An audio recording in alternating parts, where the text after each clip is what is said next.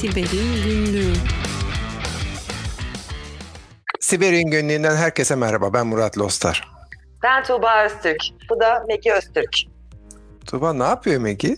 Megi'ye geçen hafta dedik ki git şu 1 milyon dolarlık ödül için avcılık yap. Git bu dedikoduyu işte siber güvenlik işindeki dedikoduyu kim çıkartmış onun sahibini bul falan dedik. Tamam dedi. Gitti bula bula 3 gün evvel kendisine verdiğim kemik parçasını bulmuş.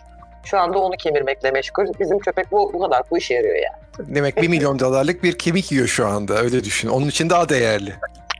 Küllüm zarar vallahi Murat. Başka bir işe yaramıyor. Bir git 1 milyon dolarlık ödülü bul dedik. Hayvan gitti kemiği buldu geldi. Peki. Evet efendim nedir bugünkü ilk haber? Bugünkü ilk haber kötü haber. Zoom. Yine Zoom. Ne çok Zoom konuştuk sonra ama konuşmak da gerekiyor değil mi? Hadi sen başla evet. lütfen. Ya çok kullanıyoruz. Ben de kullanıyorum Murat. Ee, yani bizim de verilerimiz sızdı çok büyük bir ihtimalle. Kullanıcı verileri sızmış bir ekran görüntüsü var. Sputnik'ten aldık haberin orijinali zaten.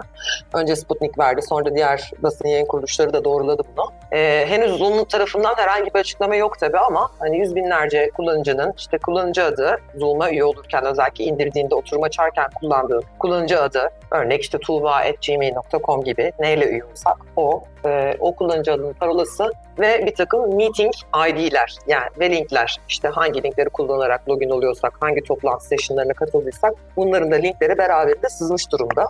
Ee, ekran görüntüsü de koymuşlar zaten hani hangi dark web e, sitesi olduğu ve nasıl bir veri seti olduğuyla alakalı. Bana bir veri tabanı dump'ı gibi e, geldi şu ana kadarki e, baktığım ekranlarda. Sen ne düşünüyorsun?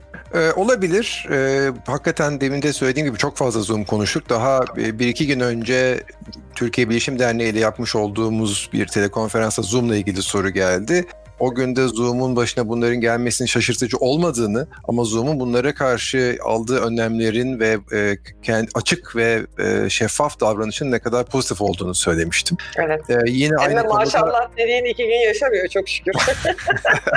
Aynen öyle oldu ne yazık ki. Hemen arkasından bu haber çıktı. Ama yine aynı Bilişim Derneği'nin etkinliğinde şeyde vurgulamıştım. Parola değiştirmenin ne kadar önemli olduğunu da vurgulamıştım sabah. İşte insanların da yapmış olduğunu, yapacak olduklarını düşünüyorum. Ee, bu sabah e, Zoom'a girip baktığımda e, ne zamandır kendi kullanıcı adı parolamla girmemiştim. E, parolamı sıfırlamış olduklarını, bana parola unuttum üzerinden yeni parola girmeyi zorunlu hale getirdiklerini fark ettim.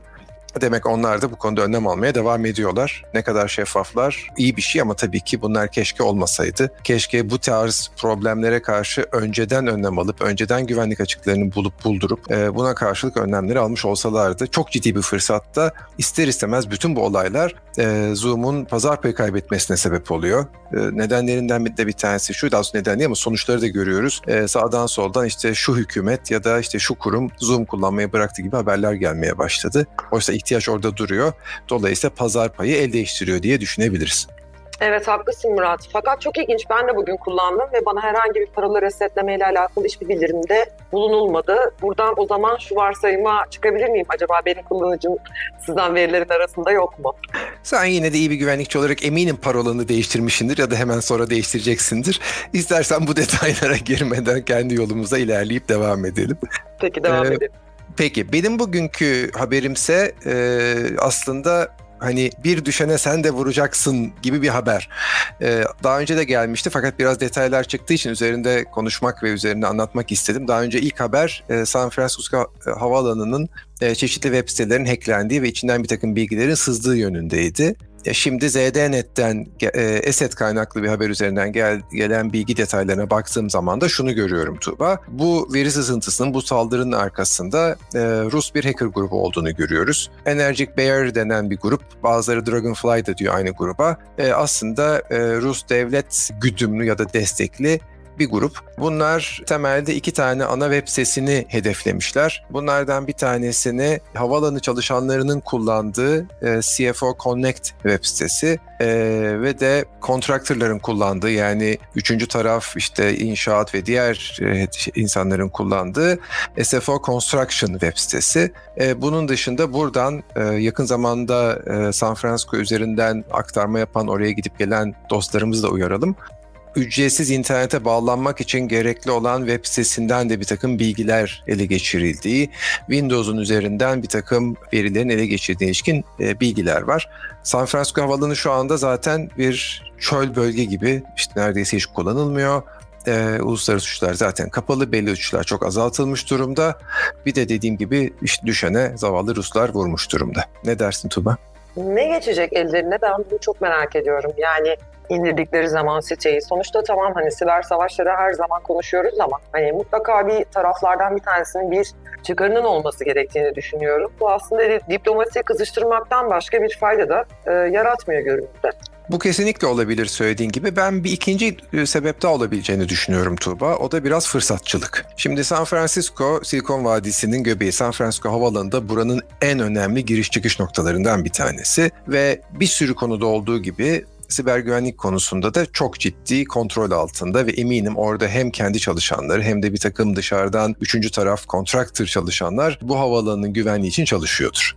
Bir anda bu kadar boşa düşünce e, belki de oradaki kontraktörler ve çalışanlardan bir kısmı günlük görevlerini aksatmaya başlamıştır ya zorunda kalmıştır diyebiliriz. Aslında bunun bir benzerini Türkiye'de de gördük öyle değil mi? Ünlü havaalanlarım, hava yollarımızdan bir tanesi tüm çalışanlarına haftada 3 pardon ayda 3 hafta e, ücretsiz izin bir haftada ücretli izin verdi. Ve bu ekiplere ben bakıp sorduğum zaman siber güvenlik ekibi de dahil. Hani şimdi bunu fırsat gören birileri orada hali hazırda olan, geçmişten beri gelen ya da bundan sonra yapılacak olan konulara karşı saldırmak istem istemeyi bir fırsat olarak görüyor olabilir. Elbette kurumlar buna karşı önlemler almış ve alacaklardır ama bir taraftan da e, güvenliğin aslında tatil edilemez bir şey olduğunu bir kere daha söylemek istiyorum. Evet bir de ben burada bir not düşmek istiyorum. Aslında evet yani 7-24 e, operasyonların da dahi e, tatil edildiği bir dönem, özel bir dönem yaşıyoruz ama her ne kadar olursa olsun hani teknoloji uyumaz, hacker hiç uyumaz. Hani su uyur, düşman uyumaz demişler. Dolayısıyla ben aslında bunu çok da doğru bulmuyorum. Yani güvenlik izleme e, ve müdahale ekiplerinin, işte siber olaylara müdahale ekiplerinin özellikle pek de tatil yapabileceği bir dönemden geçiyormuşuz gibi gelmiyor bana. Çünkü hackerlar hala aktif. Yani dark web, alarmlar, e, siber te, e, istihbarat servisleri vesaire sürekli çalışmaya devam ediyor ve her gün kullanıcı bilgileri bir şekilde muhtelif şirketlerden, bunlar teknoloji şirketleri, Zoom gibi kaynaklar da olabilir ya da kamu kuruluşlarına ait takım sistemler sunucular vesaireler de olabilir.